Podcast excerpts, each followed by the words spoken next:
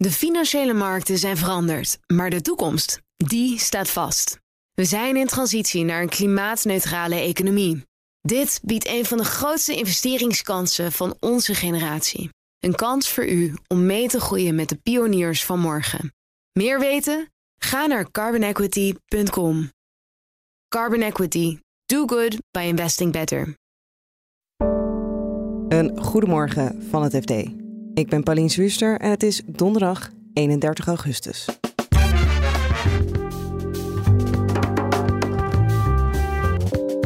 Investeerders slaan kantoren met een laag energielabel over. Het is niet zo dat als je flink hebt geïnvesteerd dat je pand ineens veel meer waard is geworden. Het is vooral dat, dat eigenlijk vastgoedeigenaren die niet geïnvesteerd hebben, ja, die hebben echt de prijs zien kelderen.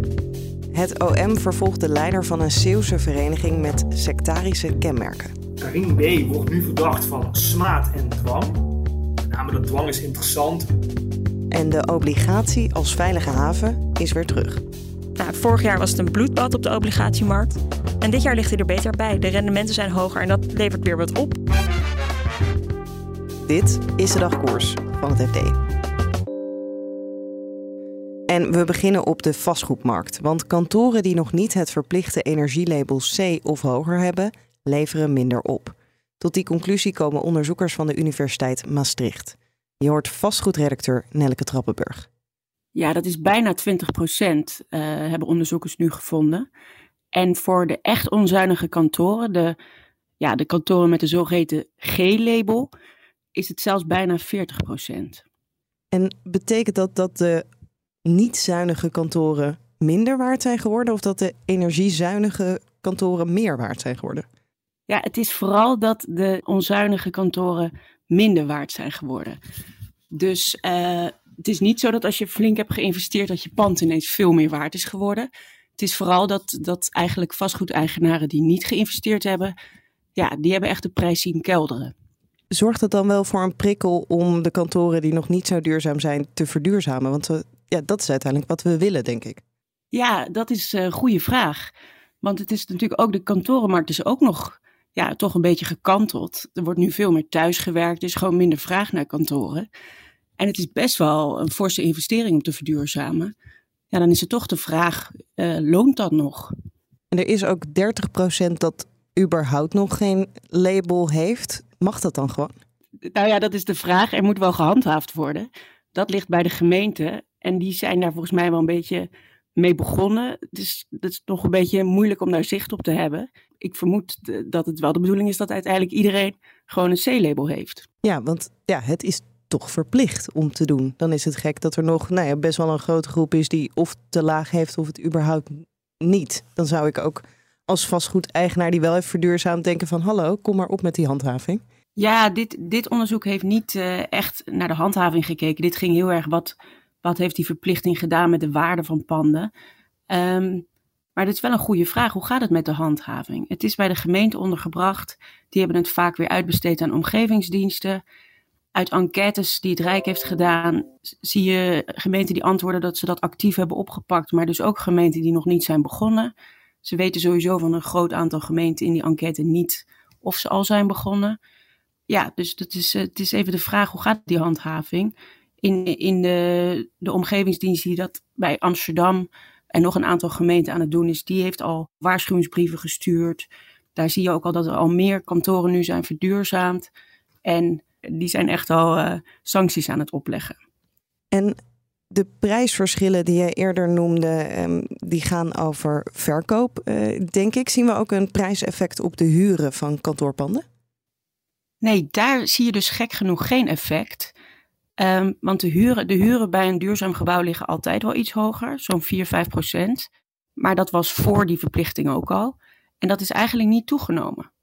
Dus het is niet zo dat, dat de, de, de vastgoedeigenaren die geïnvesteerd hebben eh, ook de huren verder hebben kunnen verhogen. En hebben die onderzoekers daar enige verklaring voor? Het is voor hun ook gissen, want zij hebben daar verder niet echt onderzoek naar gedaan. Maar zij denken dat het ook te maken heeft omdat de huurders verder niet geraakt worden. Als zij nog wel in een kantoor zitten met een label D, E, F, G, zij kunnen geen boete daarvoor krijgen. Dat krijgt de eigenaar. Ja, dus ja, zolang zij daar gewoon zitten, zitten ze goed. En dan gaan we naar Zeeland, waar Carine P. woont. De leider van Marlo, een vereniging met sectarische kenmerken. Zij wordt namelijk vervolgd door het Openbaar Ministerie en ook de 55-jarige jurist Peter G. wordt vervolgd. Je hoort onderzoeksjournalist Sonny Motke. Marlo is een vereniging die uh, is gesitueerd in, in Sint-Philipsland, een, een ja, pittoresk dorpje uh, nabij Brabant. Ja, die draait eigenlijk om uh, Carine B., een alternatieve genezeres, die daar al tientallen jaren vanuit dat dorp praktijk houdt. En wat houdt het in? Zij legt mensen op een bank en straalt die dan in met energetische krachten. En daar betalen mensen dan een prijsje voor per uur of per behandeling. Nou, dat is al jaren aan de gang. Op zich is daar niet zoveel mis mee. Je mag uh, ja, alternatieve genezing zoeken die je wenst. Ook al is het niet wetenschappelijk onderbouwd. Alleen wat gebeurt er nou? Um, heel veel klanten van deze mevrouw B. Uh, die zijn in de ban geraakt van haar. Zij een charismatische dame van meer 80 inmiddels. En sommigen verhuizen daarvoor zelfs naar Sint-Philipsland. En waar wij bij het FD eerder zijn achtergekomen naar onderzoek is dat er ook bezit van die mensen wordt overgedragen aan de vereniging. De grote vraag is, waar het OM zich ook over buigt is, is dat wel op de juiste manier gegaan? Want waar wordt ze precies van verdacht? Karin B. wordt nu verdacht van smaad en dwang. En met name dat dwang is interessant, omdat het dus gaat om: heeft zij, voor die vereniging Marlo dus, uh, bezit van een voormalig lid uh, ja, op onjuiste wijze afhandig gemaakt? Dat gaat dan dus om, om geld, ook om juwelen in dit geval, mogelijk ook vastgoed. En wat wij zien is dat in het verleden de mevrouw in kwestie waar het om gaat, die dus aangifte heeft gedaan tegen uh, Marlo, uh, al een rechtszaak heeft gewonnen hierover. Wie is die vrouw? Die vrouw waar het om gaat in dit geval, en dus ook de, aan, de steen des aanstoots voor het onderzoek van het Openbaar Ministerie, is Titia Bolle. Die naam zegt mensen denk ik niet zoveel, maar als ik vertel dat zij uh, ingetrouwd was in de familie van der Valk, dan gaat bij mensen wel een lichtje branden. Dat is de vermogende hotelfamilie van de Toekan in Nederland. Uh, wat misschien ook mede verklaart dat uh, Bollen uh, over behoorlijk wat bezittingen beschikten die ja, zijn overgedragen aan Marlo. Bolle is een jaar of bijna tien geleden geëxcommuniceerd uit de groep van Marlo. En is sindsdien eigenlijk op zoek naar ja, genoegdoening. Ze is rechtszaken gestart. En een rechter heeft een aantal jaar geleden al geoordeeld dat zij onder uh, zoals het zo mooi heet in de rechtspraak, undue influence, Engelse term, dat zij uh, daaronder stond uh, en dus ja, op, onrechtmatige wijze bezit van haar afhandig is gemaakt. En daaruit voortvloeiend is dus, dus ook weer aangifte gedaan door haar. En die strafrechtelijke procedure die wordt nu opgestart door het Openbaar Ministerie. En de miljoenen euro's aan bezit die zij heeft afgestaan, die moesten ook eigenlijk teruggegeven worden aan haar. Ja, de rechter heeft uh, al jaren geleden al geoordeeld dat bezittingen die uh, van Bolle afhandig zijn gemaakt, die moeten terug. Uh, maar de advocaat van haar en haar familie die heeft vandaag nog aan ons laten weten dat dat tot op heden niet is gebeurd. En dat is een prijzig grapje, want de dwangsommen die erop stonden, die lopen in de miljoenen euro's. Dus Marlo en, en Karin B. en ook Peter G., de andere verdachten, die hebben wel een groot probleem. Uh, die moeten en uh, betalen in de ene procedure, of die procedures voeren, en dus nu ook zich voor, ja, verdedigen tegen het Openbaar Ministerie zelf. En die andere persoon, Peter G., wat is zijn rol? G is een jurist, nog specifieker een voormalig notaris, die uit zijn ambt is gezet vanwege financiële wanorde een aantal jaren geleden. Dus de Kamer van het Notariaat had dat geoordeeld. Uh, G is eigenlijk rond die tijd ook steeds actiever geworden binnen het Malo-netwerk. En hij heeft daar een beetje de rol opgenomen van, nou ja, eerst dus ook het maken van akten, notariële akten. En inmiddels is hij ook ja, de huisjurist, zou je bijna kunnen zeggen. Hij vertegenwoordigt de groep ook in rechtszaken.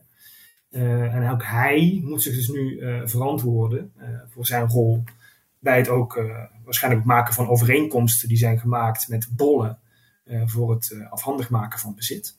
En wat is nu de volgende stap? Wanneer gaat dit verder? Dat is niet helemaal duidelijk. Uh, de verdachten hebben nu een paar weken de tijd om uh, onderzoekswensen kenbaar te maken uh, in deze zaak. En ook nog een advocaat te vinden. We weten op dit moment niet of ze al een advocaat hebben. En dan zou de zaak op zijn vroegst eind dit jaar voor kunnen komen voor het eerst. Maar de eerlijkheid gebied te zeggen dat het waarschijnlijk nog wel een tijd gaat duren. Wat zeggen zij zelf eigenlijk, de verdachten? Nou, we hebben Peter G. vandaag proberen te bellen. Um, mijn collega Karel Groen en ik zijn ook eerder op bezoek geweest uh, bij Malo en toen hebben we nog met ze kunnen praten. Maar het uh, blijkt dat inmiddels dat niet meer mogelijk is. G heeft telefonisch laten weten niet geïnteresseerd te zijn in het antwoorden van vragen en heeft toen vakkundig de horen op de haak gegooid.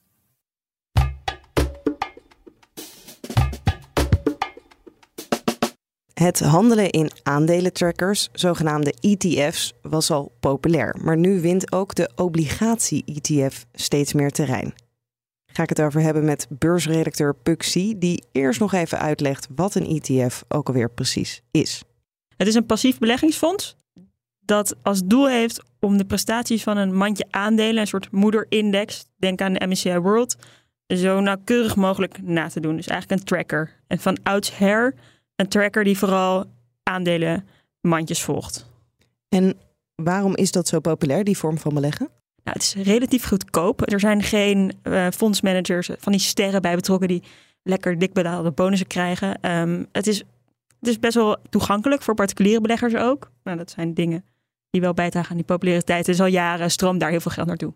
En levert het ook doorgaans meer rendement op, die vorm van beleggen? Nou, het is vooral dat het historisch gezien is gebleken dat het heel moeilijk is om de markt te verslaan. En nou biedt het verleden nooit garanties voor de toekomst in de beurswereld. Maar dat heeft er wel toe bijgedragen dat uh, beleggers liever de markt precies naboten of zo nauwkeurig mogelijk die prestaties nadoen, dan dat ze gaan proberen om het beter te doen. En nou zei je al, die ETF's, dat is vaak een mandje aandelen, om het even simpel uh, te zeggen. Nu is er ook een opkomst van mandjes obligaties. Ja, en er zijn al langer vermogensbeheerders die, die trekkers voor obligaties aanbieden. Alleen ze zijn dit jaar heel erg populair. Ongeveer 50% van de, van de instroom in de Europese markt, in deze ETF-markt, gaat naar, naar obligatie-ETF's. En hoe komt dat dan? Waarom obligaties? Uh, nou, voor, de, voor de liefhebbers van de beurs misschien geen verrassing, maar dit jaar is echt een obligatiejaar. De rendementen zijn gestegen. De, rente is jarenlang heel laag geweest, maar uh, in 2022 hard opgelopen. En nou, vorig jaar was het een bloedbad op de obligatiemarkt. En dit jaar ligt hij er beter bij. De rendementen zijn hoger en dat, ja, dat levert weer wat op. Is het dan ook een beetje een soort veilige haven om je geld te, om je geld te stallen? Ja, dat is vaak wat er over obligaties wordt gezegd. Hè? Vooral bijvoorbeeld Amerikaanse staats, uh, staatsobligaties. Dat is echt veilige haven. Nou, dat was vorig jaar helemaal niet het geval. Want toen gingen de obligatiekoersen en de aandelenkoersen tegelijk omlaag. En dat is echt wel een schok geweest voor de financiële markten. Maar dit jaar, ja, het is niet de, de, de belangrijkste uh, drijfveer. Want dat zijn echt die hoge rendementen. Maar het is zeker zo dat die, dat die obligatiemarkt langzaam maar zeker weer een beetje die rol van veilige haven terugverovert.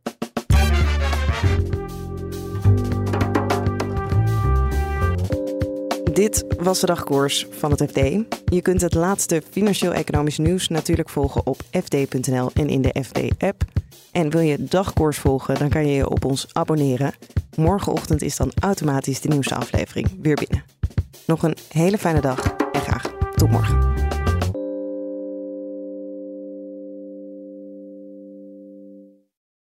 De financiële markten zijn veranderd, maar de toekomst, die staat vast.